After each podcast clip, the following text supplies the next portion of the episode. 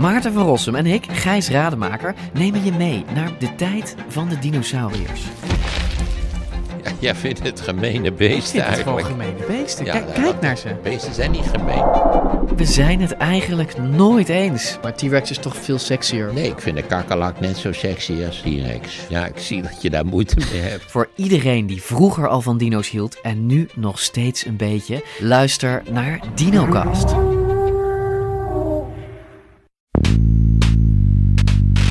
Vroeger ging ik in mijn tas zitten. Als ik dan een beetje geïrriteerd werd, ging ik in die tas rommelen.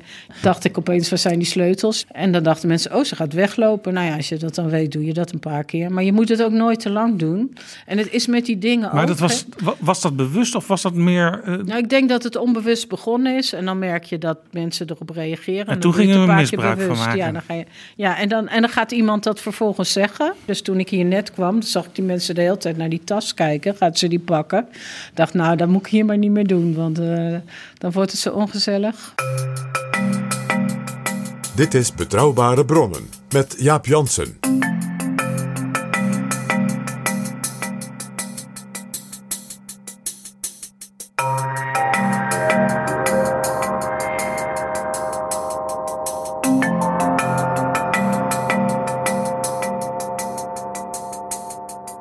Hallo, welkom in Betrouwbare Bronnen, aflevering 261.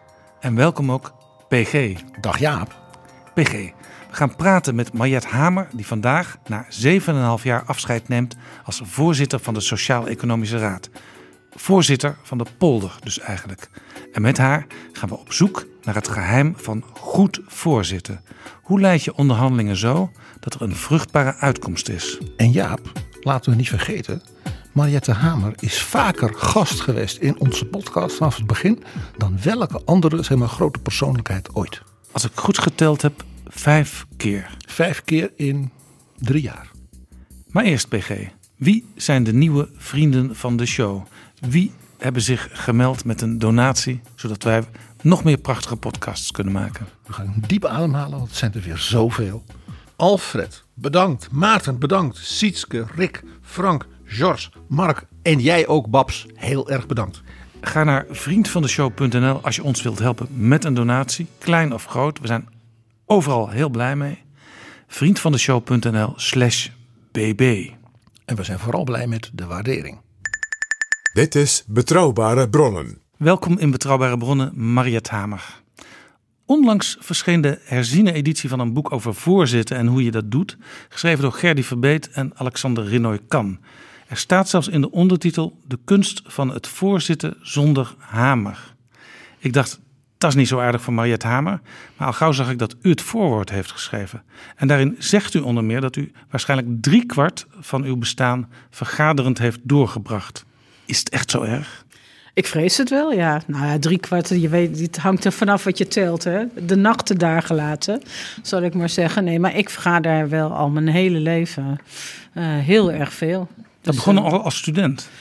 Ja, dus eh, ik denk dat ik zo 18, 19 eh, naar de lerarenopleiding ben gegaan. En vanaf dat moment, ja, niet alleen vergaderen, hè, dus ook organiseren. Dat doe je ook als je in de studentenbeweging zit. Maar vergaderen en organiseren, dat is wel een groot deel van, van mijn bestaan, ja.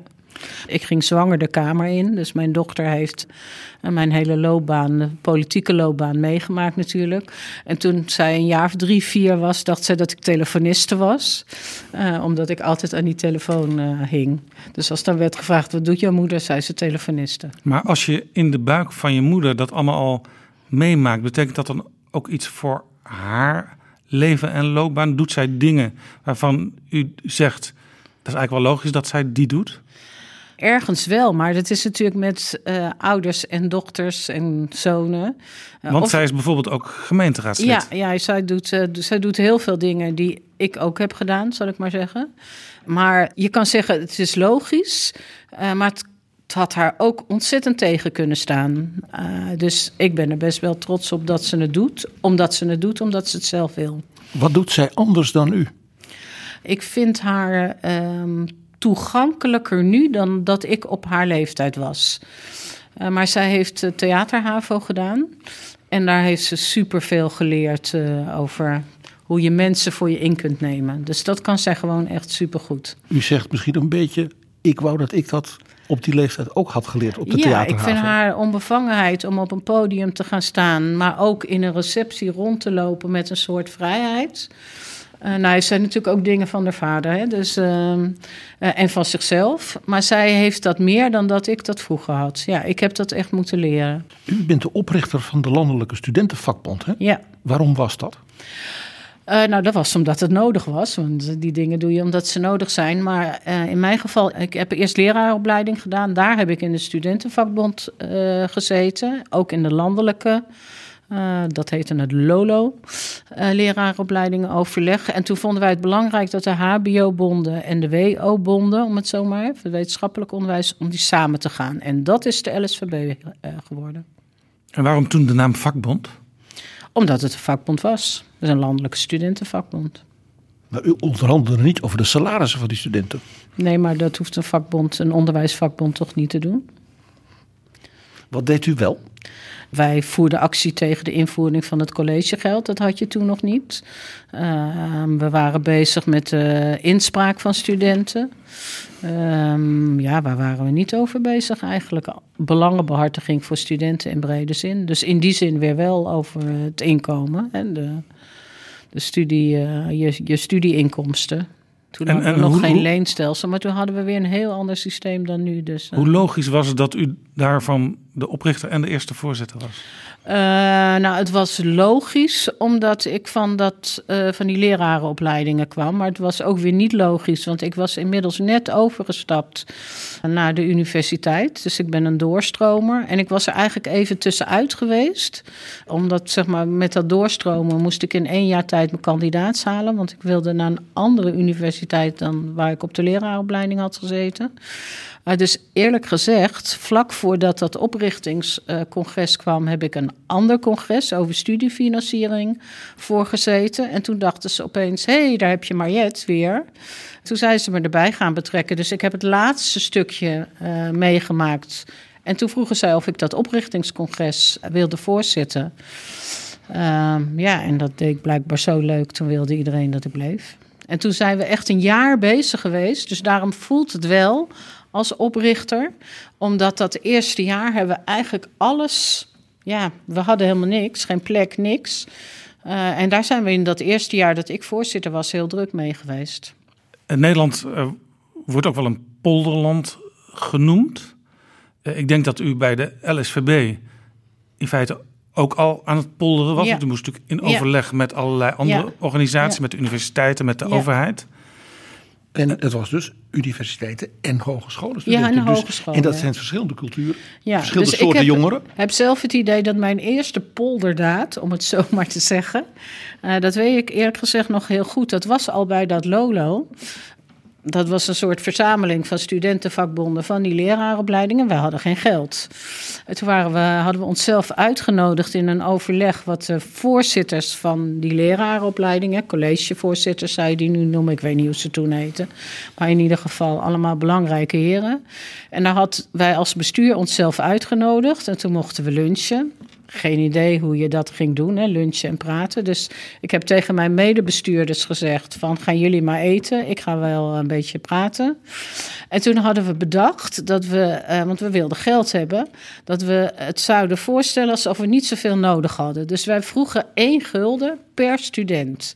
Dat leek natuurlijk heel weinig, maar er waren heel veel leraaropleidingsstudenten.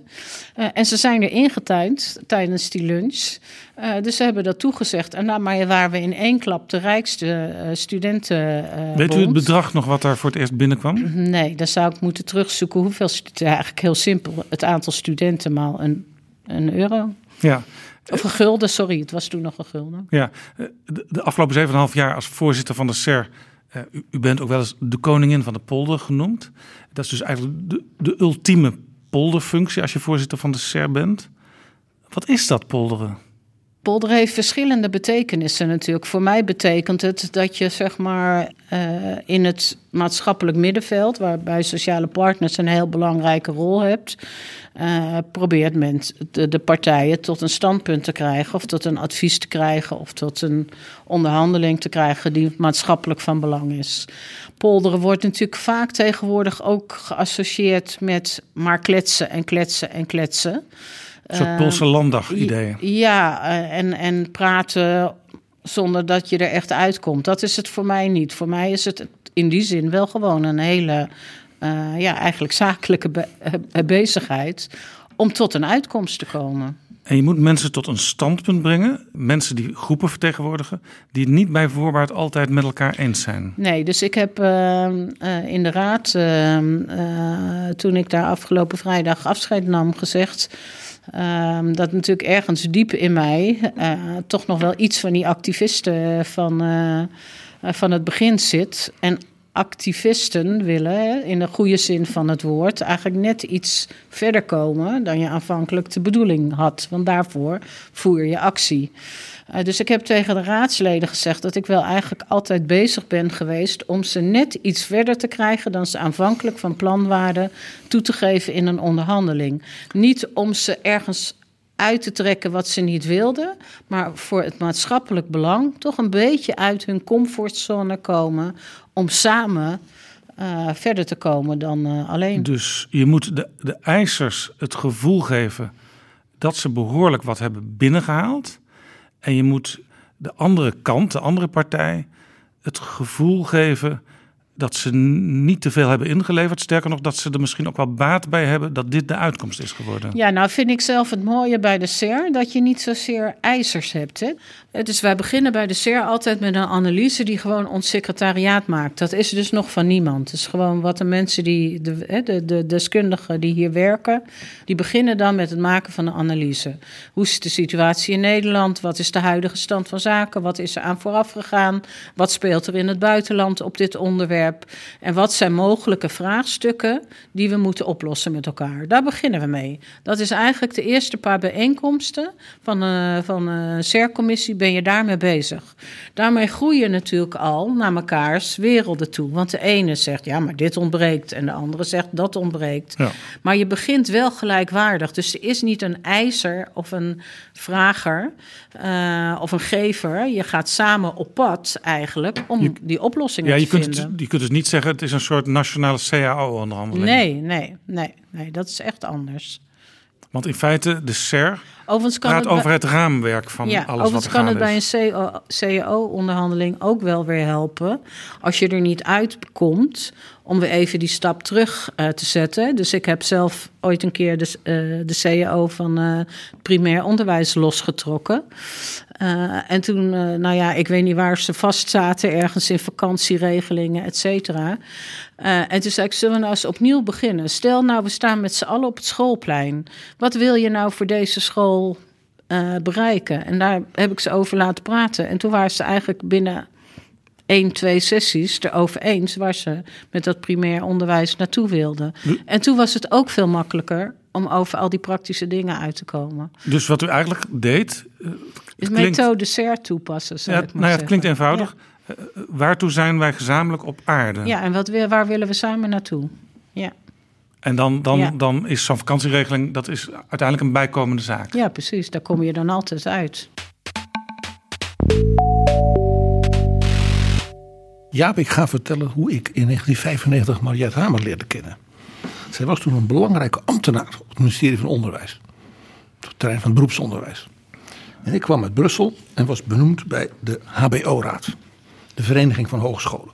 En die had dus bestuurlijk overleg, heette dat, tussen de bestuur en directie van die HBO-raad. En dus een delegatie van de hoge ambtenaren namens minister Ritsen. En mij was al duidelijk toen ik daar benoemd werd dat die overleggen niet heel vlot en soepel liepen. Dus ik was dat zeg maar twee, drie maanden en toen had de directeur bedacht dat er een agendapunt moest komen. Iets verschrikkelijk ingewikkelds met de kunstopleidingen. En ik was de secretaris kunstopleidingen gemaakt. Dus ik zat daarbij. En ik dacht, wat doen die mensen raar met elkaar? Het was een theepauze. En bij de thee zegt geloof onderdirecteur, beroepsonderwijs of zoiets. Mariette Hamer, ben jij die PG? En waarop ik zei, ik ben bang van wel. Hij zegt, zal ik maar weggaan? Nee, nee, zei ze, je moet er vooral bij blijven. En toen heb ik in het tweede deel van die vergadering, dus na de theepauze, ook gewoon gezegd: wat gaat dat hier vreemd? Als we nou eens gewoon dit doen. En dat ging dus niet over die kunstopleiding, maar ik noem maar eens wat en over het financieringsvraagstuk. Waarop Mariette Hamer zegt: ja, waarom doen we dat eigenlijk niet? En ineens ging die vergadering anders. Dan gaat het dus over ingesleten verhoudingen Vaak, vaak zitten onderhandelingen natuurlijk vast op beeldvorming van wat je van elkaar, eh, eh, wat je denkt, of wat je denkt dat eh, je, je achterban vindt dat je moet doen. Maar heel, onderhandelingen hebben altijd heel veel met verhoudingen te maken. En ik kan me uit die tijd nog wel herinneren dat inderdaad voordat ik erbij kwam, al een aantal dingen waren vastgelopen. Dus waarschijnlijk heb ik gedacht, aan die PG heb ik een bondgenoot. En het kan heel erg helpen als iemand van buiten dan even naar binnen een balletje opwerpt van buiten. Ja. Om, eh, om in gesprek te komen. Het is waarschijnlijk ook zo dat als je nieuw ergens bent, wat toen voor u gold, dat je ook vrij snel je invloed moet aan proberen te wenden om dingen te veranderen. Want anders word je zelf meegezogen in dat systeem. Ja, kijk, het is heel moeilijk. Hè? Dus sommige mensen zeggen, je, ze doet dit of ze doet dat. Ik denk zelf dat ik heel veel verschillende dingen op verschillende momenten doe. En dat kan je ook wel eens een periode doen. Hè? Dus ik heb, eh, hij is helaas net overleden, maar Clemens Cornelie van de VVD heeft wel eens in een, eh, in een eh, zeg maar zo'n portretje gezegd: Mariette gaat ontregelen. Ehm, dus dan hadden we eh, in de Kamer, eh, in de Kamercommissie, eh, was iedereen aan het woord geweest. En dan zei ik, begrijp er niks meer van. Ik snap niet wat de minister nu aan het uitleggen is of zoiets. En dan raakt die minister natuurlijk totaal ontregeld van. En dan krijg je een soort nieuw speelveld. En dan, dan kun je als Kamer juist dingen in gaan koppen. Bij een ontregelde minister kun je het goed doen. Maar het is niet zo dat ik altijd zit te ontregelen. Dat denken mensen dan. Maar, als u soms doe zegt- ik het wel eens en u- soms niet. Als u toen zei, Ja, ik begrijp er niks van wat de minister hier zegt. ja. Dan kan ik me voorstellen dat de minister opnieuw gaat proberen te formuleren. Ja. En dat je in die nieuwe formulering daar ga je dan als Kamerlid natuurlijk duwen. om haakjes Ja, aan te hangen. Ja, precies. Ja, ja. Dus Clemens Cornelia wist heel, go- hè, dacht, en daar had hij denk ik wel gelijk in. Ze weet heel goed hoe het zit, alleen ze gebruikt het als een soort methode. Nou ja, daarom zei hij eh, dat ontregelen. Maar ik denk als je een goede onderhandelaar bent of een goede verbinder, hè, want een voorzitter is natuurlijk een goede verbinder, dan heb je niet één eh, tool, maar je hebt heel veel verschillende manieren die je gebruikt om nou ja, verder te komen. Dus dat toneelspelen van uw dochter, dat eh, zit toch ook een beetje in u uiteindelijk? Eh, ja, maar wat ik bij haar bedoelde was veel meer zeg maar, ja, de, de ontwapenende manier waarop zij eh, ja, zeg maar, eh, ja, mensen ook voor zich inneemt, Ja. zou ik maar zeggen. Dat is weer, dat is weer wat anders. Ja. ja. Voorzitter, ik begrijp er niks meer van. Dat is dus een tool. Ja. Noem eens een andere tool. Ja, er zijn heel veel verschillende manieren waarop. Nou ja, dus zeg maar, hè, dus een CAO-onderhandeling beginnen. En mensen denken, ik zit helemaal klaar met mijn 20 regelingen. En dan zeggen, ga eens even met elkaar op schoolplein staan. Ja, dat is in zekere zin natuurlijk ook eh, een andere manier. Mensen op een andere manier daarmee bezig zijn. Of een andere manier eh, daarna, laten, eh, daarna laten kijken. Soms kan het in een onderhandeling helpen als het heel hoog oploopt om even te stoppen. Even schorsen. Eh, en even over andere dingen hebben.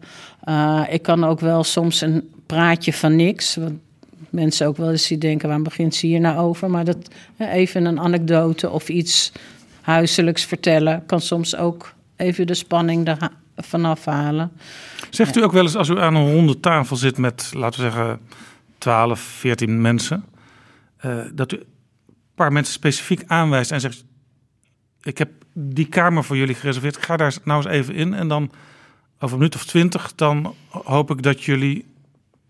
Even Ik denk niet dat ik dat zo expliciet eh, doe. Want dan voelen mensen zich aangewezen en gestuurd.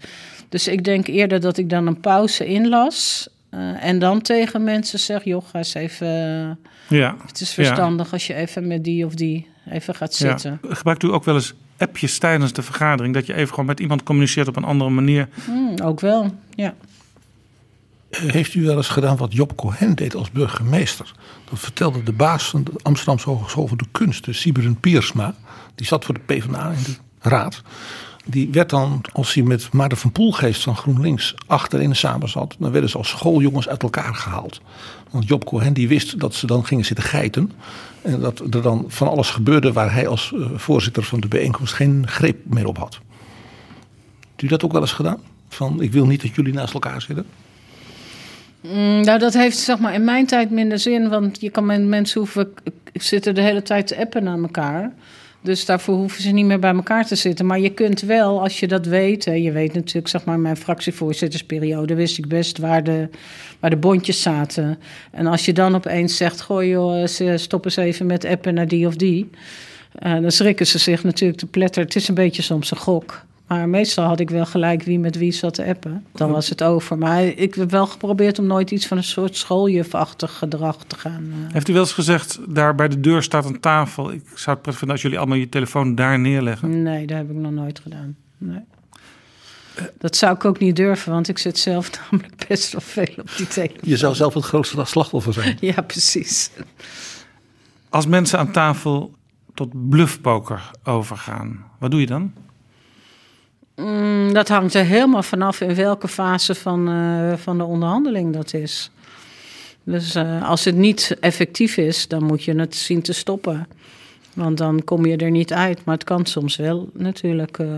Maar dat is, daarom zeg ik, hè, dus bij de SER is het natuurlijk weer echt een heel ander type onderhandeling dan als je in een, een politieke onderhandeling eh, in, hè, met- twee partijen die ergens uit moeten komen of wat dan ook. Dan gebeurt dat meer. Wij, wij zeg maar bij de SER probeer toch. Behalve op het allerlaatst, maar probeer toch steeds via argumenten eh, eruit te komen met elkaar. Want- en dat doen de onderhandelaars ook meer. Ja, want deelnemers in de SER, die komen er eigenlijk al naartoe met het idee, we moeten hier uit gaan komen. Ja, we gaan een advies maken. Ja, En in de politiek zitten ook wel eens mensen aan tafel, bijvoorbeeld in een kabinetsformatie, waarvan de een denkt en waarvan de ander ook denkt, ik wil voor mijn achterban hier als winnaar uitkomen. ja. Maar ik heb zelf geleerd, in, in, als het echt stevige politieke onderhandelingen zijn, dat je dan beter gewoon snel je kaart op tafel kunt leggen. En dan zeggen, nou, dit, dit, hè, dit, dit ga ik wel doen en dat niet. En daarachter kan ik bewegen wat je wil, hè, want dan is er ook weer heel veel ruimte. Eh, maar dat je daar een beetje helder in bent. Eh, want anders blijf je een soort spel met elkaar spelen. Eh, en uiteindelijk ja, komt het dan niet verder. En ik heb eigenlijk wel geleerd in die politieke onderhandelingen dat als je dat een beetje van je leren herkennen, dus dat de ruimte altijd zeg maar erachter groter is, maar dat er een paar punten zijn waarvan je zegt, ja, daar zit, hè, dat bottom line ga ik daar niet overheen. Dat dat eigenlijk ook wel een heel prettige manier is om met elkaar om te gaan. Dus u definieert als het ware in een vroeg stadium voor uw opponenten, om maar zo te zeggen, uw rode lijn. Ja, in de politiek, hè, Ja, toen ik, ja. Toen ik eh, k- eh, Kamerlid was. Ja. Dus ze vonden mij altijd een scherpe onderhandelaar. Maar ook wel altijd heel helder. Want ja, dit wisten ze al. En daarna kan je dan gaan kijken, en wat heeft dan die ander nodig? Want het gaat uiteindelijk, moet je in balans komen met elkaar. Eh, Dat is weer gemeenschappelijk in de politiek en in de polder. Uiteindelijk moet je in balans komen met elkaar. Dus als, ik, als je weet van mij dat, dat de grens hier ligt, dan kan je ook gaan kijken. En wat heb jij dan? Waar zit jouw grens? Of wat heb jij nodig Ja. om daar te komen? Nou praten En we hier natuurlijk over ehm, inhoud en over rationeel met elkaar daarover Ja. discussiëren en tot iets willen Ja. komen. Eh, maar in de politiek, dat zag je bijvoorbeeld, was mijn indruk in de kabinetsformatie afgelopen jaar.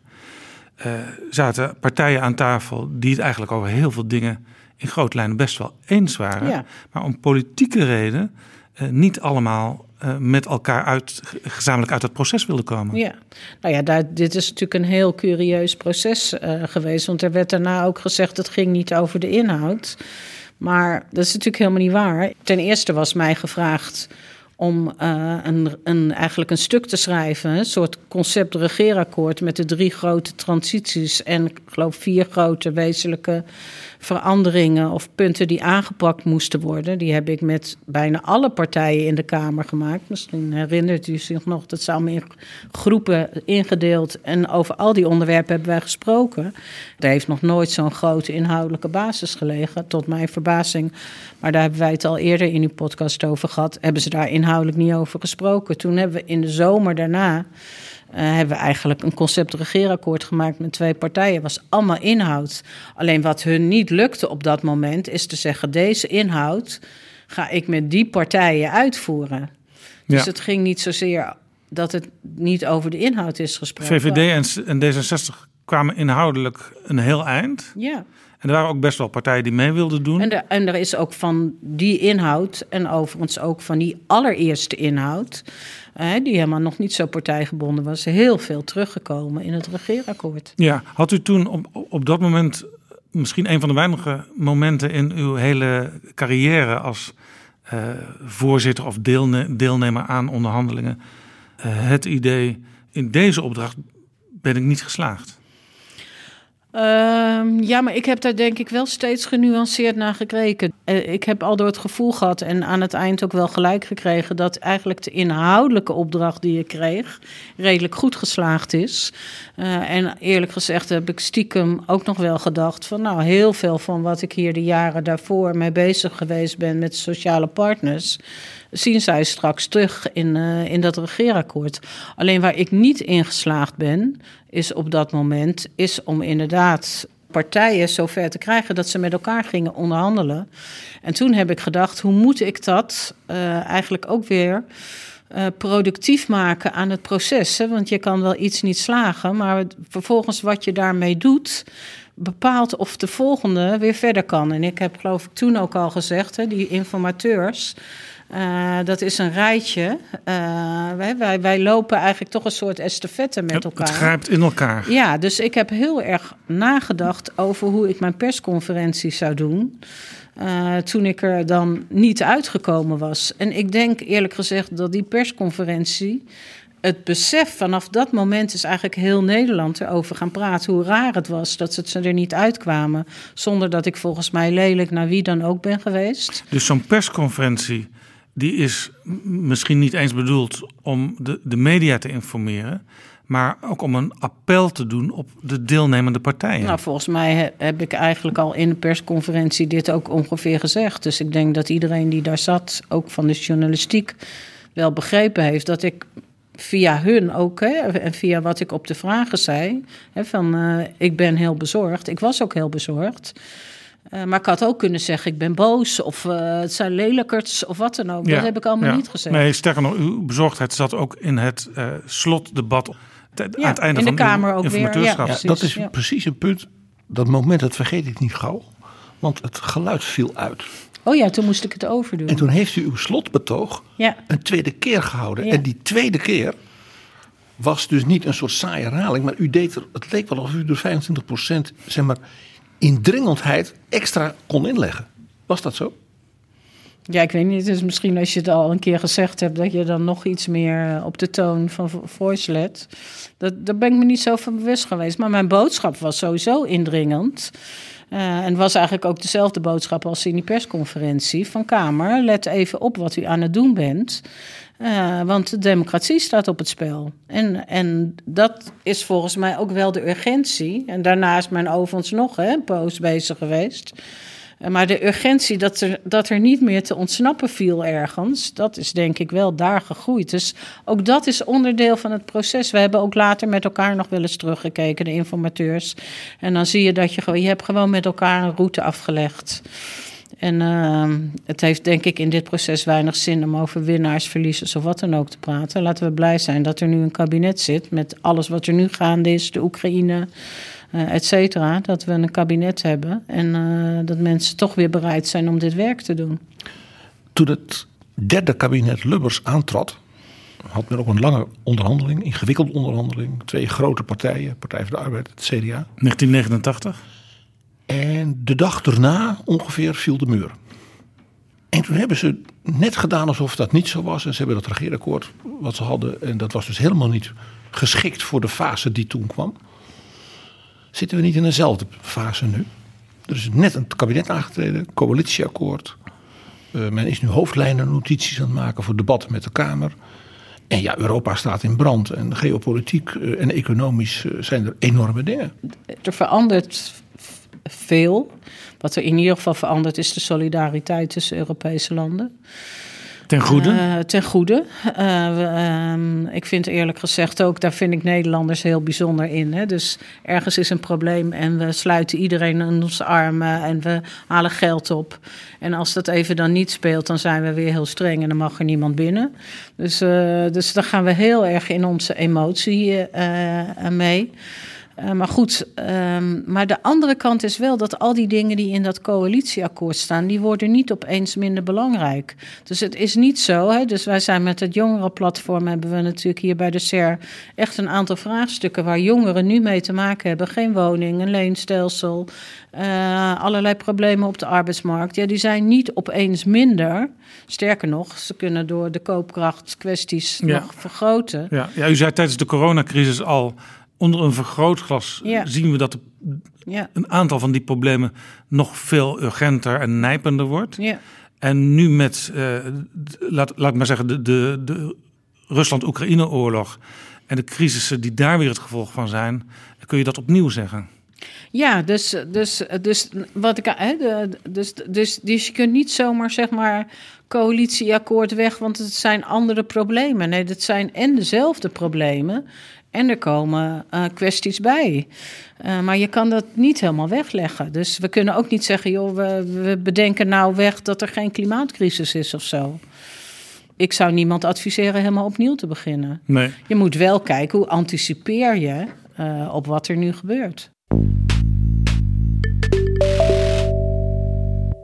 U heeft de naam, wat ook aan de hand is, redelijk onverstoorbaar te zijn.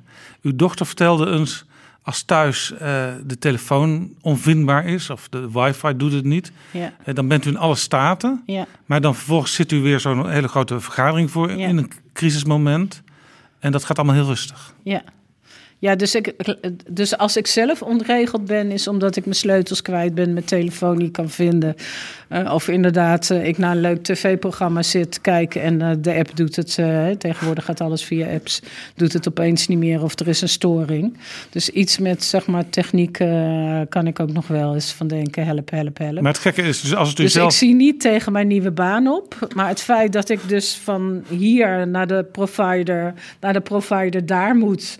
En ik mogelijk al mijn bestanden kwijt ben, daar kan ik nachtmerries van hebben, zal ik maar zeggen. Ja, dus, het- Ja. dus op microniveau eh, kan er paniek toeslaan. Ja, Maar op het Ja. macroniveau, het grote niveau, nee. bent u eigenlijk degene die anderen Ja, tot rust brengt. onverstoorbaar, dat klinkt, dat klinkt niet zo. Dat klinkt alsof je geen emotie hebt of zo. Maar ik kan dat wel redelijk goed hanteren. Gebruikt u die emotie ook wel eens? Er zijn politici die graag met de deuren slaan, dan wel eh, prachtige woede-uitbarstingen en dat benutten. Doet u dat Eh, ook? Nou, minder. Misschien, misschien dat ik dat vroeger nog wel eens deed. Maar eigenlijk tegenwoordig niet zoveel meer. Op een gegeven moment heb je daar... Het moet wel bij je passen wat je doet, zal ik maar zeggen. Kost het u Dus, eh, soms moeite om een pokerface te handhaven? Nou, ik denk als ik ergens de pest in heb... wat zeg maar in de praktische sfeer misloopt... eh, dat iedereen aan mijn neus ziet eh, wat ik daarvan vind of zo. Maar dat hangt ook van mijn rol af natuurlijk. Een voorzitter moet wel altijd neutraal blijven. Ja, moet faciliterend Ja. zijn. Ja, En in control. ja. Maar soms kun je toch door even eh, ja, iets misschien geks te doen, iets lostrekken. ja maar dan doe je het functioneel natuurlijk. Ja. Is daar een voorbeeld van te geven? Ja, wat doe je? Ik bedoel, je kan soms wel eens weglopen. Vroeger eh, ben ik mezelf eigenlijk nooit zo bewust van geweest, maar dat hoor je dan iemand een keer vertellen en dan denk je, ja, dat kan ik wel gebruiken.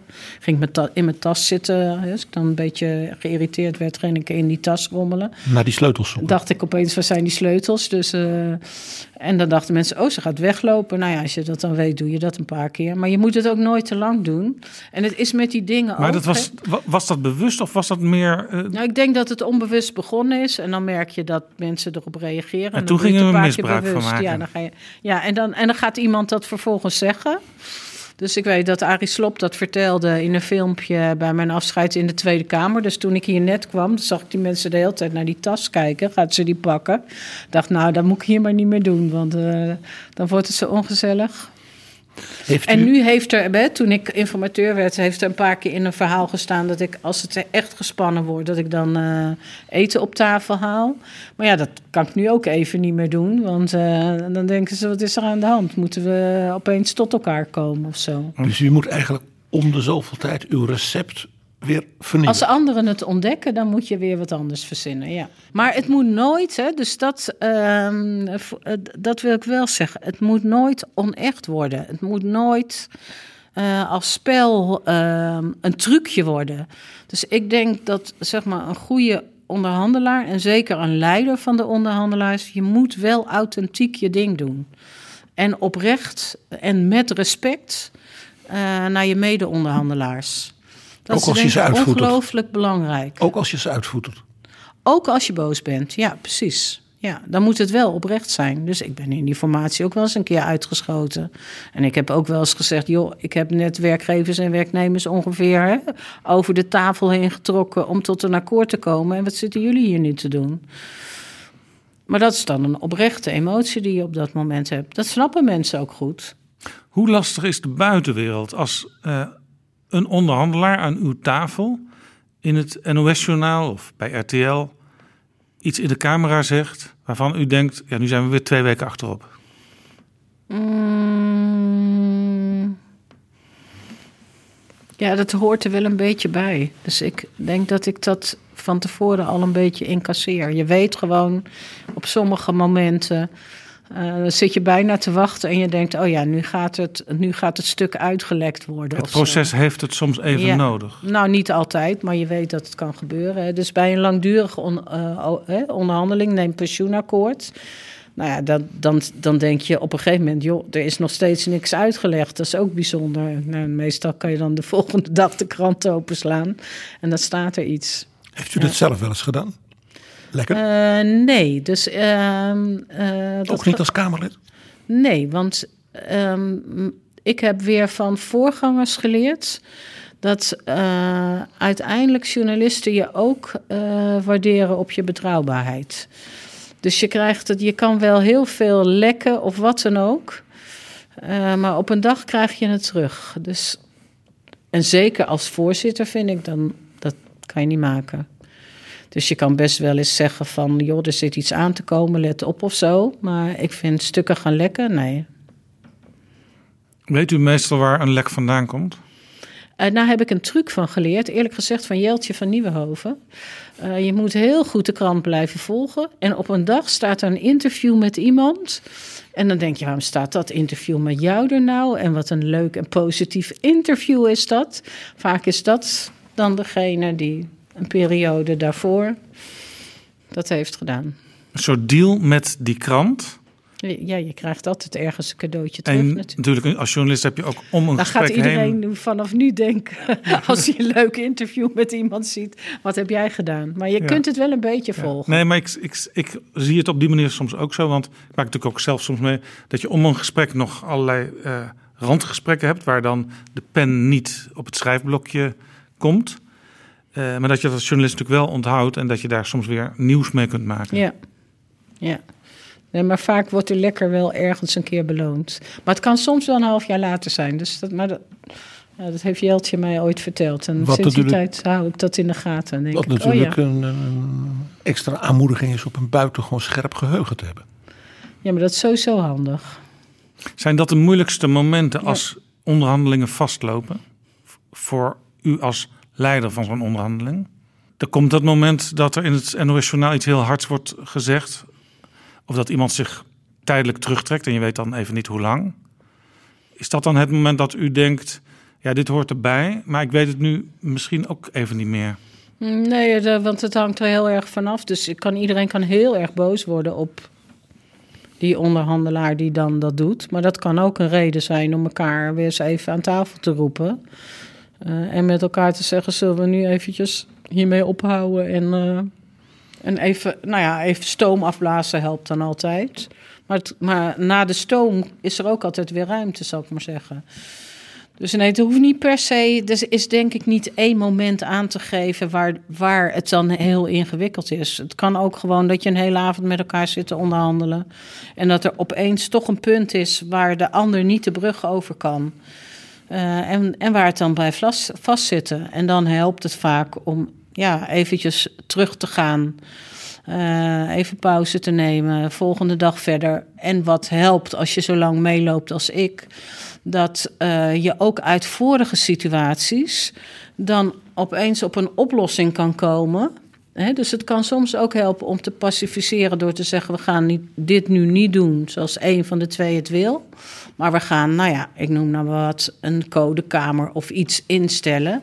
Waarin we dat probleem later gaan oplossen. Een codekamer. Ja, nou, we hebben bijvoorbeeld op een gegeven moment zaten we helemaal diep in de. Eh, in welke eh, situaties er nog meer konden zijn waarin mensen aan de onderkant van de arbeidsmarkt van die, van die nul uren contracten of wat dan ook. Dus dan wil je compleet zijn. En op een gegeven moment, ja, ben je niet meer compleet of je kan niet meer helemaal zeggen: is dit nou onrechtmatig of niet? Nou ja, dan kun je zeggen: we gaan het nu oplossen en we blijven nog twee nachten doorgaan. Of je kan zeggen: ik creëer iets waar we later het kunnen voorleggen. Nou ja, dat is in dit geval een codekamer geworden. En zo'n idee, dat idee, dat heb je dan omdat je in een vorige onderhandeling ook zoiets hebt bedacht. En daar helpt het dus bij als je veel verschillende onderhandelingen hebt gedaan. Dan heb je veel verschillende oplossingen in je hoofd. Heeft u ook wel eens aan tafel gezeten met onderhandelaars waarvan u dacht... Ja, die onderhandelaar van die partij of die vakbond of die werkgeversclub... eh, ik ga vragen aan die club of ze niet een andere onderhandelaar kunnen sturen de volgende keer. Want met deze g- gaat het op de een of andere manier niet. Ik geloof nooit dat ik om een echte wissel heb gevraagd. Wat je dan wel probeert is zeg maar om te kijken of je die persoon, of je daar zelf eens mee praat, of dat je die eens wat suggestie. Want va- vaak is het voor iemand zelf ook niet plezierig om de hele tijd de queryland te zijn. Dus je gaat gewoon bilateraal kijken. En of je vraagt of er zeg maar iemand meekomt of zo, dat, doe, dat heb ik wel eens gedaan, geloof ik. Maar in eerste instantie probeer ik het wel op te lossen met de mensen die aan tafel zitten.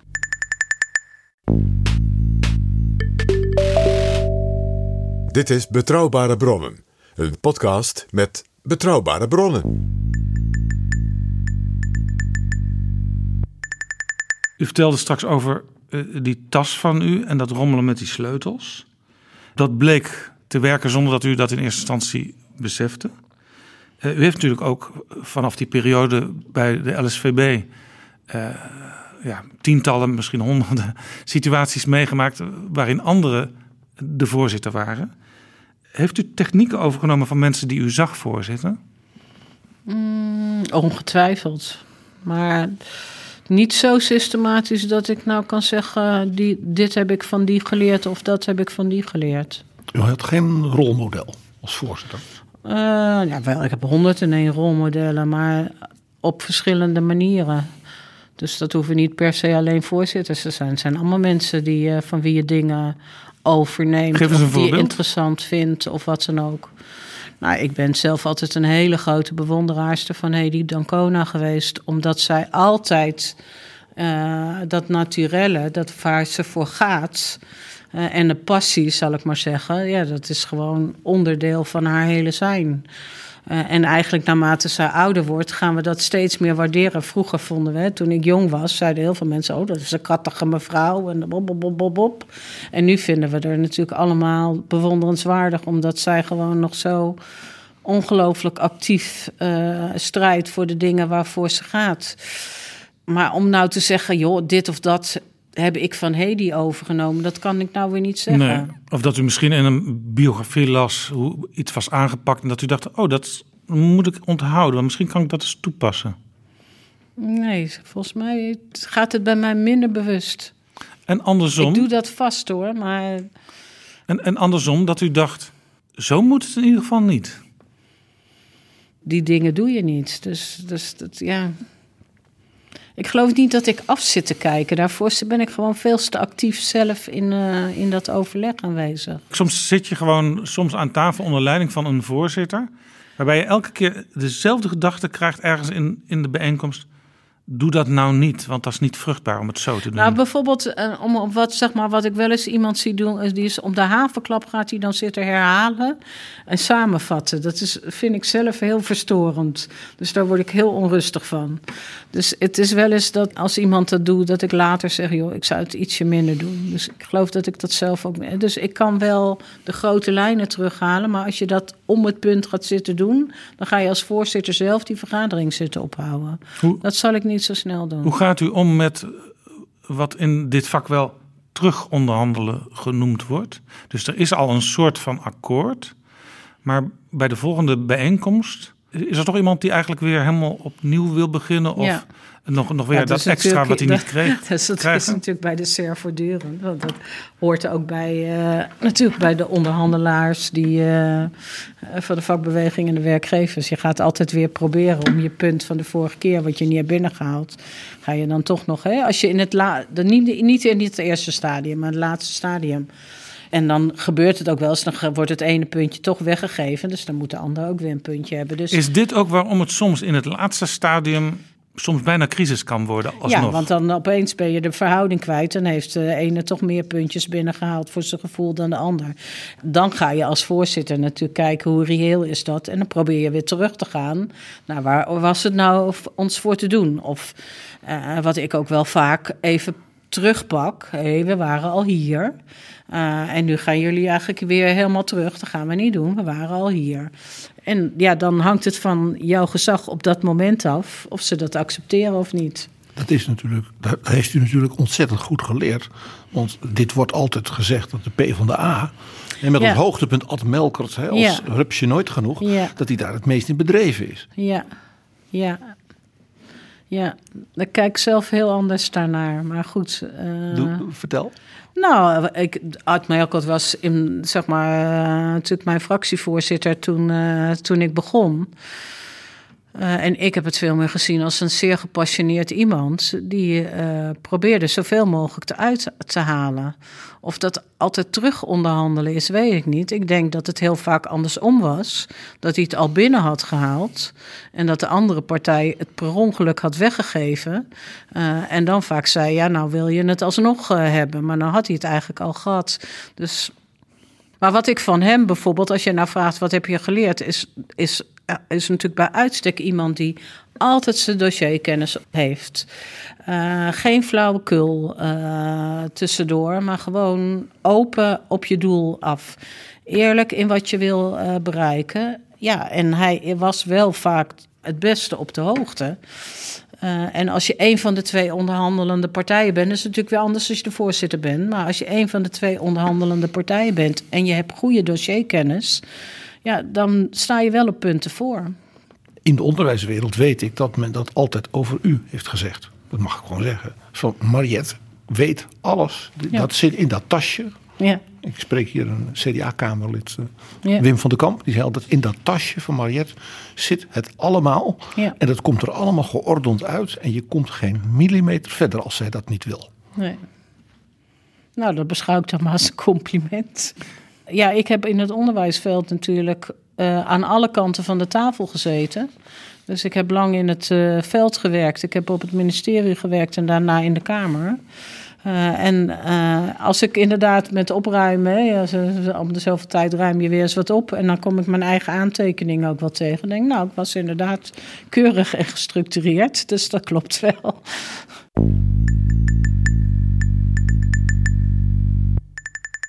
U zat bij de LSVB. Op een gegeven moment, een aantal jaren later, u was 26, toen kwam u bij de Partij van de Arbeid. Ja, ja. Maar u heeft zichzelf niet aangemeld als lid. Hoe, hoe zit dat? Na dat jaar voorzitterschap van de LSVB had ik wel zoiets... nou, dan moet ik politiek actief gaan worden. Maar ik vond het moeilijk om te kiezen. Nou uh, had ik tot dan toe altijd gedacht... als je zeg maar in die studentenwereld actief... want iedereen zit dan aan je te trekken. Ben je natuurlijk een aantrekkelijk nieuw lid... Uh, en ik wilde gewoon. Meerdere partijen? Ja, het is GroenLinks en de SP en, uh, en, en PvdA en D66. Alles zit wel een beetje dan aan je te trekken.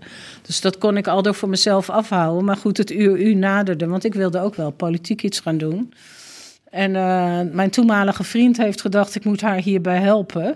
Uh, en die heeft mij lid gemaakt van de PvdA. En toen kreeg ik een uitnodiging voor een vergadering. Toen was ik toch wel vereerd.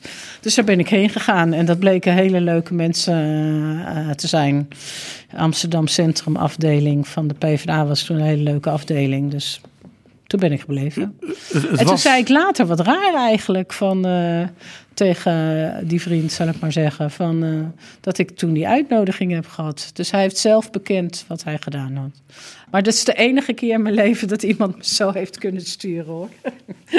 Maar soms gaat het dan zo dat je ook vrij snel dan in een bestuur terechtkomt. In ja, als je, als je in de politiek, in de gemeentepolitiek ergens je gezicht laat zien en je bent jong dan uh, zit je meteen. Uh, ik geloof dat dat voor alle partijen geldt. Voordat je het weet, uh, zit je in een bestuur. Ja. U werd later ook Kamerlid en ook fractievoorzitter van de Partij van de Arbeid. Ja. Daar heb je weer met een heel eigen soort ja, vergadercultuur te maken. dan heb je soms ook dwarsliggers in je eigen fractie. Waarvan je vaak weet, oh, die gaan straks vast weer daar een opmerking over maken. En dat is niet echt vruchtbaar voor waar we deze keer naartoe willen. Hoe ga je met dat soort mensen om? De termen dat soort mensen is natuurlijk lastig in een fractie. Nee, maar ik bedoel, het, ze zijn dan helemaal van jouw eigen club. Het is niet een werkgever of een werknemer. Nee, maar het zijn niet dat soort mensen. Het zijn je collega's. Uh, en, en wat je natuurlijk in een fractie doet, is proberen met je collega's gezamenlijk uh, toch te kijken over hoe komen we hier nou het meest effectief en vruchtbaar uit. En ik moet zeggen, ik heb in mijn fractievoorzittersperiode de bof gehad dat ik twee collega's had, Pieter van Geel en Arie Slop. Uh, met wie CDA, we buitengewoon goed kon samenwerken. En wij alle drie ook wel van hetzelfde type onderhandelaars waren, denk ik. Van gewoon kaarten op tafel. Dit kan ik wel, dat kan ik niet. Uh, en kijken hoe, hoe krijgen we daar onze fracties in mee. En hoe halen we eruit uh, wat uiteindelijk nodig is om die coalitie verder te brengen. Arie Slob werd ook wel eens in die tijd Arie Bombari genoemd. Dan eiste hij iets in de media wat hij eigenlijk al binnen had gehaald. Dat zou zomaar kunnen. Ik heb dat eerlijk gezegd niet zo heel erg paraat onthouden. Maar het Robbejetten-trucje. Dat, dat, dat kan. Wij, wij wisten met z'n drieën eigenlijk altijd waar we uit wilden komen. En wat al die drie partijen uh, nodig hadden. Behalve zeg maar op het allerlaatst. Want toen zijn we er niet meer uitgekomen. En toen hebben we elkaar ook niet meer opgezocht. Toen dachten we, dit proces is uit, ons, uh, uit onze handen weg. Maar dan heb je soms ook dat je met z'n drieën in de coalitie praat en onderhandelt. En dan tegelijkertijd weet dat het misschien in je eigen fractie nog helemaal niet zo'n gelopen race is. Terwijl jij eigenlijk de uitkomst al voor je, je fractievoorzitter kan inschatten waar die fractie in mee kan krijgen.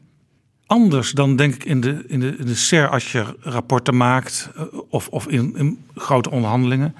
Eh, waar je over meerdere tijdlijnen heen gaat.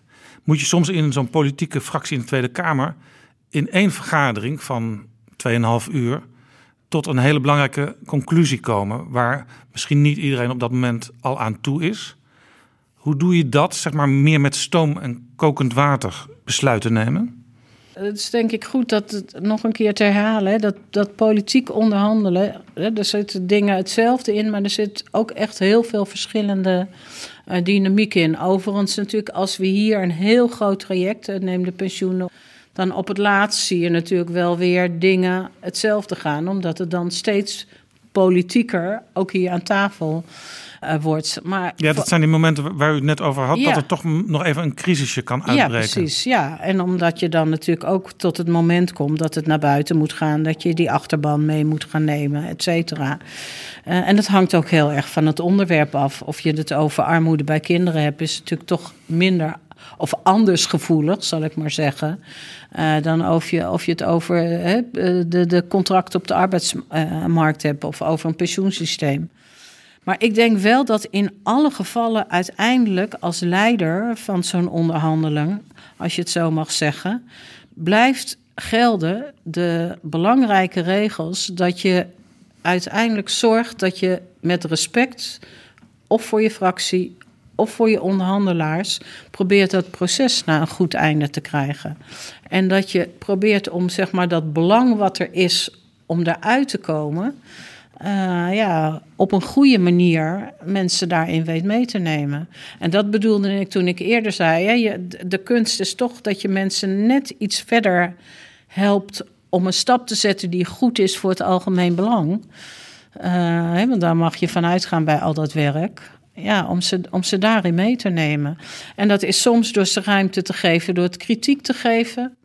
Uh, ik heb zelf ooit omgangskunde gestudeerd. Uh, en daar heb ik geleerd, je moet altijd ruis voorrang geven. Hè, dus als er echt iets dwars zit, laat mensen dat even op tafel leggen. Dan is het ook weg. Dan kun je daarna ook weer op een gezonde manier met elkaar praten. Dus ze zijn, ja, het heeft allemaal toch te maken met, met respectvol met elkaar omgaan. Dus dat bedoel ik ook. En mensen zitten altijd te zoeken naar je trucendoos. Maar het is niet zozeer een trucendoos. Je hebt instrumenten die in een overleg kunnen helpen om verder te komen. Een week of drie geleden was er in de Tweede Kamer een debat over de omgang met elkaar. Zaten daar mensen bij die misschien wel eens toe zijn aan een cursus omgangskunde? Nou, dan zou ik die studie uh, on, uh, onrecht doen. Want, dus, want omgangskunde is geen vak van hoe, uh, hoe eten we met, twee, hè, met een vork en mes aan tafel. Of hoe spreek je tegen elkaar. Dat is een vak waarin ik sociologie heb gekregen, psychologie, sociale vaardigheden. Nou ja, dat ontbreekt dus misschien wel soms ja, maar het is een, wel in zo'n Tweede Kamer. Echt een heel geïntegreerd... Uh, vak. Dus het, dus het woord omgangskunde is misschien in die zin uh, uh, ook ongelukkig dat ze die studie ooit zo genoemd hebben. Maar de essentie gaat wel terug dat je zou willen, ook in de Tweede Kamer. en dat heeft misschien ook te maken met wat ik hierna ga doen. Dat je met elkaar wel het gesprek gaat voeren. Hoe willen we nou met elkaar omgaan en waar is dat respect dan? Ik heb geleerd altijd fel op de inhoud, zacht op de persoon uh, in onderhandelingen. Dus je blijft wel netjes naar elkaar en je blijft elkaar respectvol uh, behandelen. En dan kun je in de onderhandeling, hè, dus ik heb ook wel eens dossiers gehad waarop mijn antwoord alleen maar nee was. Hè, dat ik dat voor mijn partij bepaalde dingen niet ging doen. Maar dat kun je, dat kun je altijd met, respect voor die ander doen. Met je mede-onderhandelaar of met je de, de opponent in de Tweede Kun je Kamer. als je dus even... Dus onder de gordel of mensen lelijke dingen over mensen zeggen. Dreigen met tribunalen. Nou ja, dat al helemaal niet. Maar ook dat je zegt, hè, knettergek of zo. Of, nou, wat ik zelf eigenlijk best heel beledigend uh, vond... is dat Wilders op een gegeven moment tegen Sofie Hermans zei... dat zij de masseuse van Mark Rutte was. Toen dacht ik, waar is dit voor nodig? Dus het is uh, seksistisch, het is beledigend. En waarom? Misschien kunnen we het er kort even over hebben. U wordt over een paar weken regeringscommissaris seksueel overschrijdend gedrag. Dit is ook overschrijdend gedrag, want dan in iets andere vorm. Maar er zit zelfs wel in ieder geval niet seksueel, maar wel seksistisch eh, ja. trek je aan. Ja. Overal in de samenleving eh, ontstaat nu een soort bewustwording dat er eigenlijk toch nog in organisaties en bedrijven en verenigingen uh, best wel veel dingen mis zijn. Waar we niet allemaal van weten, maar nieuwe voorbeelden zien, wel vermoedens van hebben. Wat wordt uw taak? Wat gaat u doen? Uh, nou, ik ga een heleboel dingen uh, doen. Ik ga natuurlijk op reis zetten, uh, allereerst in welke situaties het voorkomt. Uh, en hoe we op dit moment geregeld hebben om daarmee om te gaan. Hè. Dus hoe, hoe, kun je klachten melden? Zijn er genoeg vertrouwenspersonen? Is de, is de hulpverlening op orde? Hè, dus dat is zeg maar een kant eraan. U begint dan, met een analyse te maken zoals u dat hier. Ja, natuurlijk. Dat ga, ik, dat ga ik doen. En er is gelukkig heel veel al opgeschreven. Uh, en ik ben werkelijk overstelpt door mensen die willen uh, helpen of die deskundigheid hebben. Dus dat alleen al vraagt om ordening, zal ik maar zeggen. Uh, maar uiteindelijk moeten we, hè, dus ik moet ook een debat gaan aanjagen hierover. En het is wel grappig wat jij net zei uh, over dat je het ook ja, je kunt dit. Het begint natuurlijk allemaal toch ook met taal.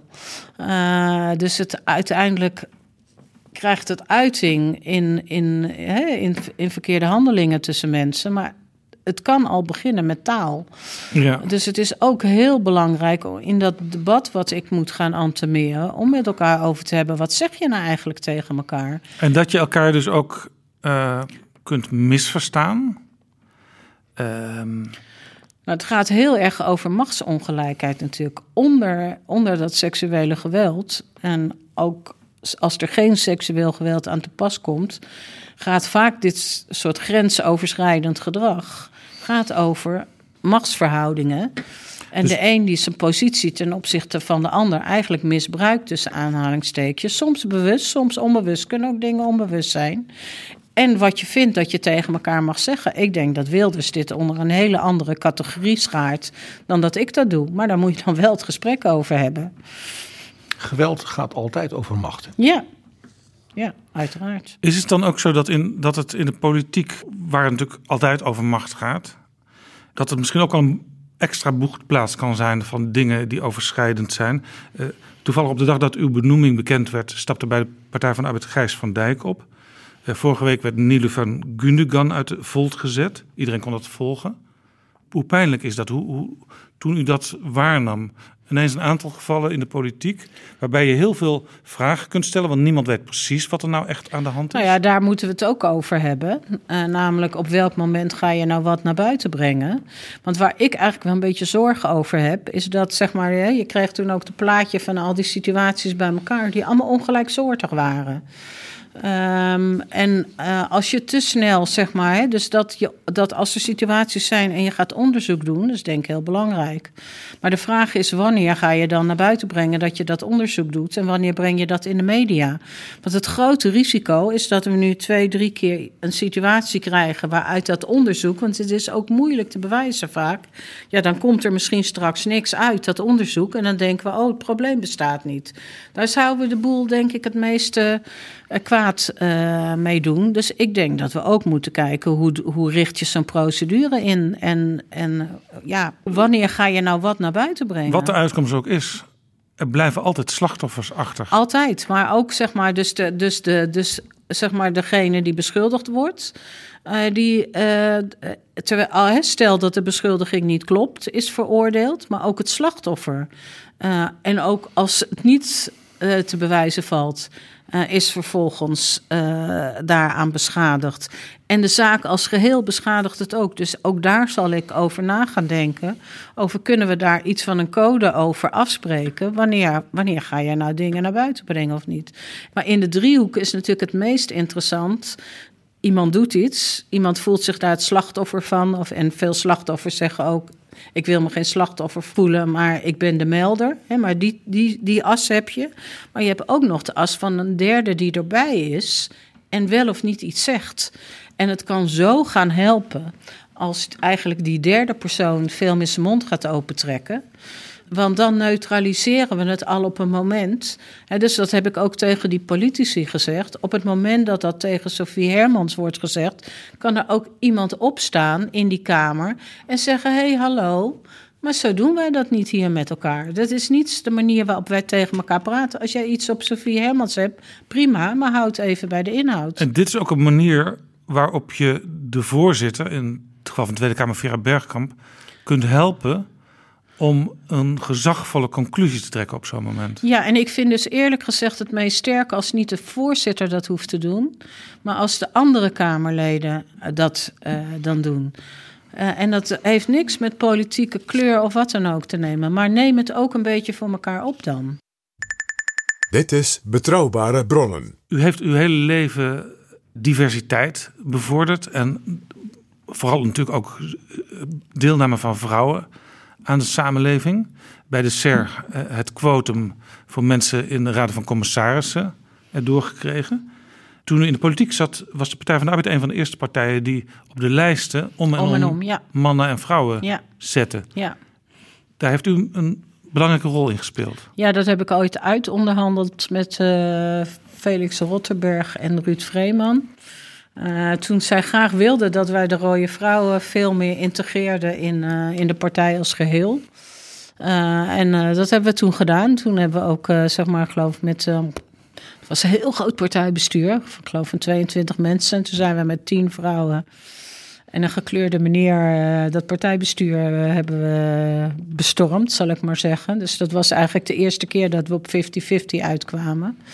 Eh, en daarna hebben we dat afgesproken voor de lijst. Ik geloof de eerste keer eh, nog niet om en om, maar vanaf daarna eh, wel. Want zaten we geloof ik te snel daarvoor. Ik herinner me een keer dat... ehm, Maar mijn eerste fractie was ik al met evenveel vrouwen als met, met mannen. Ik herinner me een keer dat Jacques Wallager, die was fractievoorzitter geweest. En die zei, ik moet na Wim Kok als nummer twee op de lijst. En dat Ja, gebeurde toen ook. Ja dat klopt. Dat dat is was die niet de fractie afspraak. waar ik begonnen ben. Dus dat toen was, het nog afspraak. niet. Nee, maar toen wij hadden dus zeg maar de afspraak dat we daar naartoe zouden werken. En de, vanaf de lijst de keer daarop is het ook gebeurd. Maar wij waren wel in die fractie al met evenveel vrouwen als evenveel eh, mannen. Ja, dat heeft u dan bereikt. In die tijd, een paar jaar later, zag ik ook een film over de campagne van Wouter Bos. En toen zag ik eigenlijk toch vooral in die binnenste cirkel... Ja. vooral jonge mannen om hem Ja. heen en Ja. nauwelijks een vrouw. Ja. Daar moet u een gesprek met Wouter Bos over Nee, maar- hebben, denk ik. Dus de werkelijkheid is vaak taaier dan wat je Nou, op papier kijk, zet. wat ik bedoel, dat geldt. Kijk, de PvdA had het grote voordeel dat er in ieder geval veel vrouwen waren. Eh, maar wij hebben best nog met, met elkaar moeten knokken om vervolgens ook posities in de fractiebesturen, et cetera, te krijgen. U heeft ook eens intern de Prinsessenclub opgericht. Een prinses, dat herinner ik mij niet meer. Nou, dat was eh, 2004. Toen werd er in, vaak in de, in, in de discussie en in de media eh, gespeculeerd over eh, wie is misschien de volgende potentiële Partij van de Arbeid leider. Toen werd er gesproken over kroonprinsen. En toen begrijp ik dat u een keer aan Frank Poorthuis, die toen voor de Volkskrant werkte, gezegd hebt. Er zijn ook kroonprinsessen. Ja, dat klopt. En toen, toen bleek er eigenlijk een soort prinsessenclub te zijn waar u in zat. Bijvoorbeeld ook Jet Bussemaker en nog eh, drie, vier andere Ik geloof vrouwen. niet dat ik die club heb of, hoeven oprichten, eerlijk gezegd hoor. Die waren er. En ik denk dat ik inderdaad toen tegen Frank heb gezegd: van eh, ja, je, je ziet altijd alleen de namen van de kroonprinsen. Maar er zijn ook kroonprinsessen. Maar ik geloof niet, ik weet het niet hoor. Of we in die tijd al zo ver waren dat we ook een clubje met elkaar waren. Wat wel heel leuk is, is dat zeg maar nu ehm, al die vrouwelijke collega's van toen eh, inderdaad een eh, hele leuke club hebben met elkaar, waarin we ook af en toe eh, met elkaar lunchen en eten en bijpraten. Nou, dus misschien toen bestond de club niet als ze daar maar Ja, maar, nu, is maar, nu wel. misschien, maar nu zijn we geen kroonprinsessen meer. Zijn ze koningin moeder? ja, zoiets. Maar dat zijn we dan ook weer allemaal. Ja. U neemt afscheid van de Sociaal-Economische Raad, de polder. Die polder die heeft zichzelf na de Tweede Wereldoorlog uitgevonden en in de loop van de geschiedenis een aantal keren heruitgevonden. Bijvoorbeeld in de jaren 80, toen Wim Kok en Chris van Veen eh, het akkoord van Wassenaar sloten.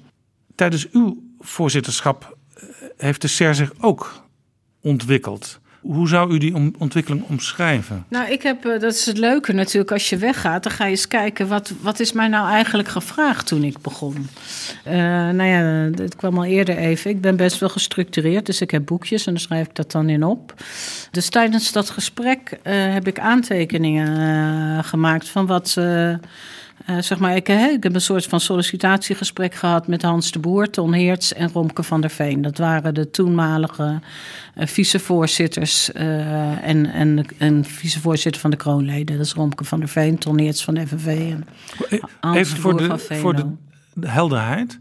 Vindt er eerst zo'n gesprek plaats en gaat dat vervolgens naar de minister die het dan in de ministerraad Nee, voorlegt? zeg maar, je bent dan al door een hele. Dus, eh, dus elke procedure zal misschien weer anders gaan hoor. Maar in ieder geval, in mijn geval eh, ging het zo, of in die periode ging het zo. Er worden namen genoemd. Alle geledingen mogen namen noemen. En van een, een longlist wordt een shortlist gemaakt. En van de shortlist wordt nog een shortlist gemaakt. En uiteindelijk blijven er een paar namen over. En in mijn geval zijn er met de laatste twee overgebleven kandidaten een gesprek gevoerd. Uh, en ik heb dus een gesprek gehad met uh, uh, de mensen van de SER, de, de vicevoorzitters. En, en werd daar een conclusie getrokken of die, gingen beide en die hebben naar een advies gegeven aan uh, de minister. Maar de minister had natuurlijk ook invloed op die shortlist. En, dus die wist met wie die gesprekken En dat laatste advies was nog maar één naam, namelijk uw naam. Ja. En in dat gesprek hebben we het over gehad, wat ligt er voor agenda? Eén punt stond bovenaan en dat was verjonging. Mijn idee over het jongerenplatform is eigenlijk ontstaan bij mijn afscheid op de Tweede Kamer. Maar verjonging in zijn algemeenheid uh, uh, werd als belangrijk punt aangegeven. De deuren open werd ook als een belangrijk punt aangegeven. Dus met, met name Hans de Boer vond het hier toch behoorlijk grijs en stoffig. Punten en komma's, je hoort het hem zeggen. Um, dus, dus deuren open. Uh, dat was uh, belangrijk. De S, dat vond ik nog wel grappig om terug te lezen. Maar de S van de SER, dus sociaal, moest weer meer op de agenda. Vond Ton Heerts onder andere. Dus ook andere maatschappelijke groepen erbij betrekken. Ja, en, maar, en onderwerpen. Dus uh, niet alleen maar economisch gericht, maar ook sociale kwesties komen tot een pensioenakkoord en tot, uh, of althans zo werd het toen niet genoemd hoor, maar, maar zeg maar het vraagstuk pensioen oplossen. Uh, en ze waren toen bezig met een advies over het tweede jaar WW, geloof ik. En het verlengde van het sociaal akkoord, dus arbeidsmarktkwesties. Dat waren eigenlijk de vijf punten die uh, uit dat uit die drie gesprekspartners kwam. En daar heb ik zelf voor mezelf, het is eigenlijk heel grappig dat je dat opschrijft, uh, maar daar heb ik voor mezelf bijgeschreven, voor mezelf, niet vergeten, diversiteit. Ah. Dus dat vond ik, was ik blijkbaar zelf bang dat misschien heb ik het ingebracht of zo. Maar ik vond het zo grappig dat er stond voor mezelf. U dacht ook, dit zijn al uh, een dusdanig aantal stevige uh, ja, dus, taken. Dus, dus, dat, dat dat er misschien wel bij inschiet. Van, als ik het nu niet opschrijf. Dat moet er niet bij inschieten. Dat moet nu, dus, dus dat is een mooi. Dus, nou, als ik nu terugkijk, denk ik, nou, dat, dat hebben we eigenlijk allemaal wel gedaan. En een, een, voorbeeld van die diversiteit, een heel belangrijk voorbeeld, is dus dat quotum voor raden van commissarissen. Ja, precies. Maar nou, dat is eigenlijk maar een onderdeel er natuurlijk van. Veel belangrijker is dat we aan 5000 grote bedrijven vragen om eigenlijk een heel plan te maken over hoe ze met diversiteit willen omgaan. Ja. En dat is meer dan alleen dat quotum. Ja, zeker. is veel meer. Ja. Want anders, wordt het, anders is het quotum een soort doel ja, op zichzelf. Het is een soort symbool ervan geworden. Maar, uh... Hoe effectief heeft u uiteindelijk in al die dingen kunnen zijn? En zijn er ook frustraties in de zin van, daar was ik graag verder gekomen? Nee, ik heb niet zozeer uh, frustraties. Nou ben ik wel, zeg maar, natuurlijk ook door de politiek en alles wat ik daarvoor heb gedaan. Wel, zeg maar, mild in, in zeg maar, hoe ik beoordeel in welke stappen je in welke tijd uh, kunt maken. Um, dus ik weet gewoon dat sommige dingen waanzinnig lang duren. Om maar een voorbeeld te noemen, toen ik de kamer in ging, was ik zwanger. Toen dachten ze, nou laat haar de kinderopvang doen. Um, Wat een cliché. Ja, zo werkt het dan. Uh, dus uh, ja, ik kan precies onthouden hoe ver dat geleden is, want mijn dochter is nu 23. Dus ja, het heeft 23 jaar geduurd voordat we nu bijna aan gratis kinderopvang zijn. Dat is een lang proces. Maar als je al die stappen ziet en ook wat er dan weer gebeurde, waardoor het weer terugging, ja. Oké, maar als het uiteindelijk er maar gebeurt. En dan, uh, dus, dus ik ben niet zo goed, zeg maar, gek te krijgen van dat het lang duurt. Dit is vaak trouwens wel waarom mensen uit uh, het bedrijfsleven afknappen op een rol in de politiek, hè? dat het zo ontzettend traag gaat. Ja, maar je moet dus daarbinnen steeds definiëren welke stappen is wel voor uitgezet. Dus het is niet zo dat er in 23 jaar niks met die kinderopvang is gebeurd, want het is een volwassen sector geworden.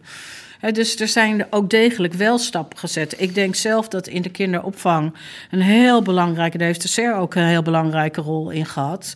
Het is natuurlijk de, het, het spiegelbeeld van onze moederschapscultuur die we als geen ander land bijna hebben. Dus dat is een cultuuromslag mega. Dus dan is 23 jaar op al die eeuwen, valt het weer mee, zal ik maar zeggen.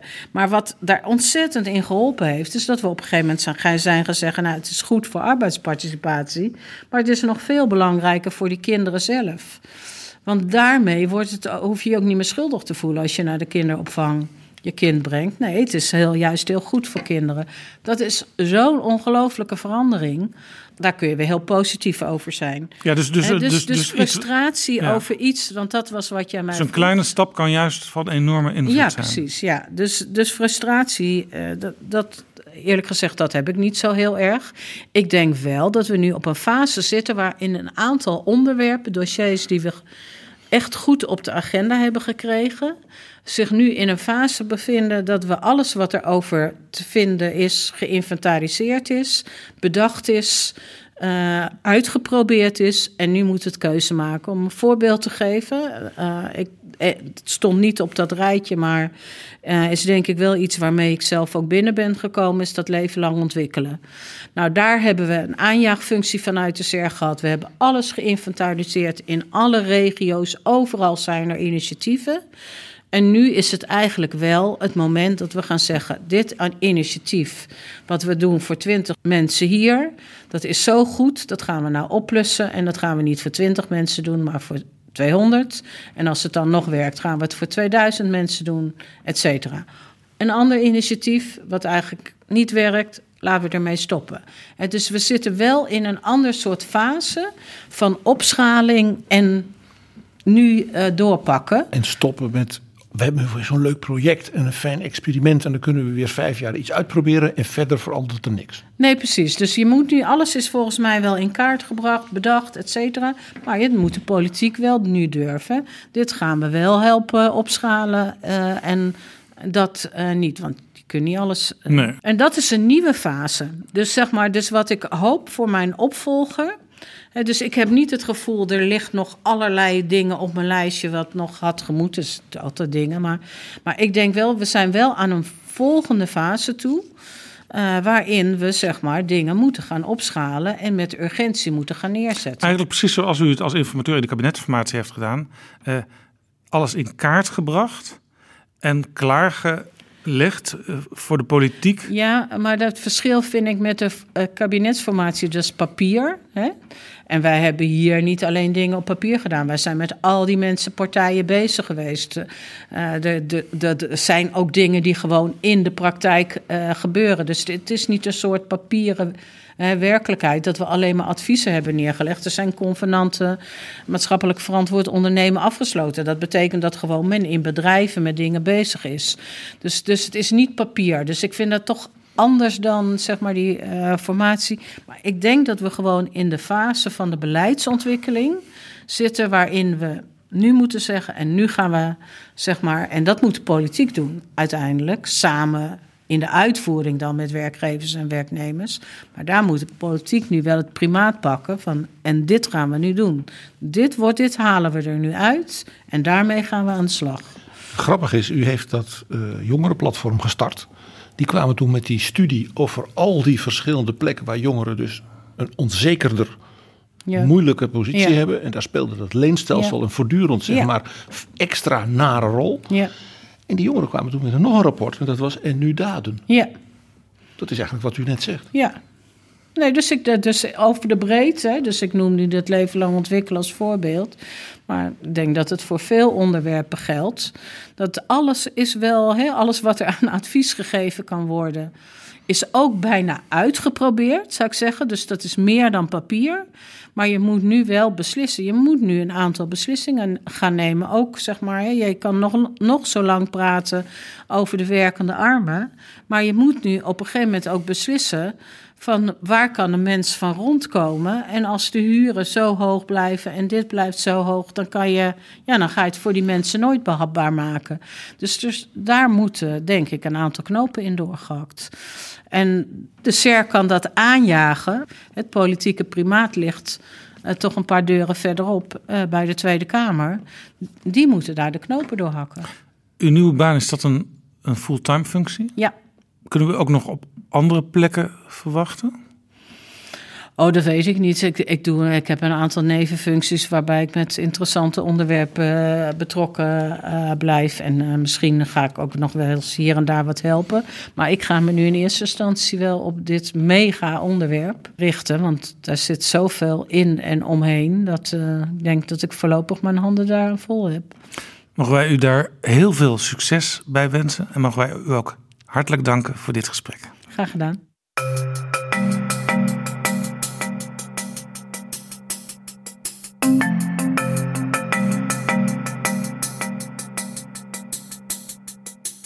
Zo, dit was Betrouwbare Bronnen aflevering 261. Deze aflevering is mede mogelijk gemaakt door de vrienden van de show. Wil jij ons ook helpen met een donatie en zo vriend worden? Ga dan naar vriendvandeshow.nl/slash bb. Alvast bedankt. Tot volgende keer. Betrouwbare bronnen wordt gemaakt door Jaap Jansen in samenwerking met dag en nacht.nl.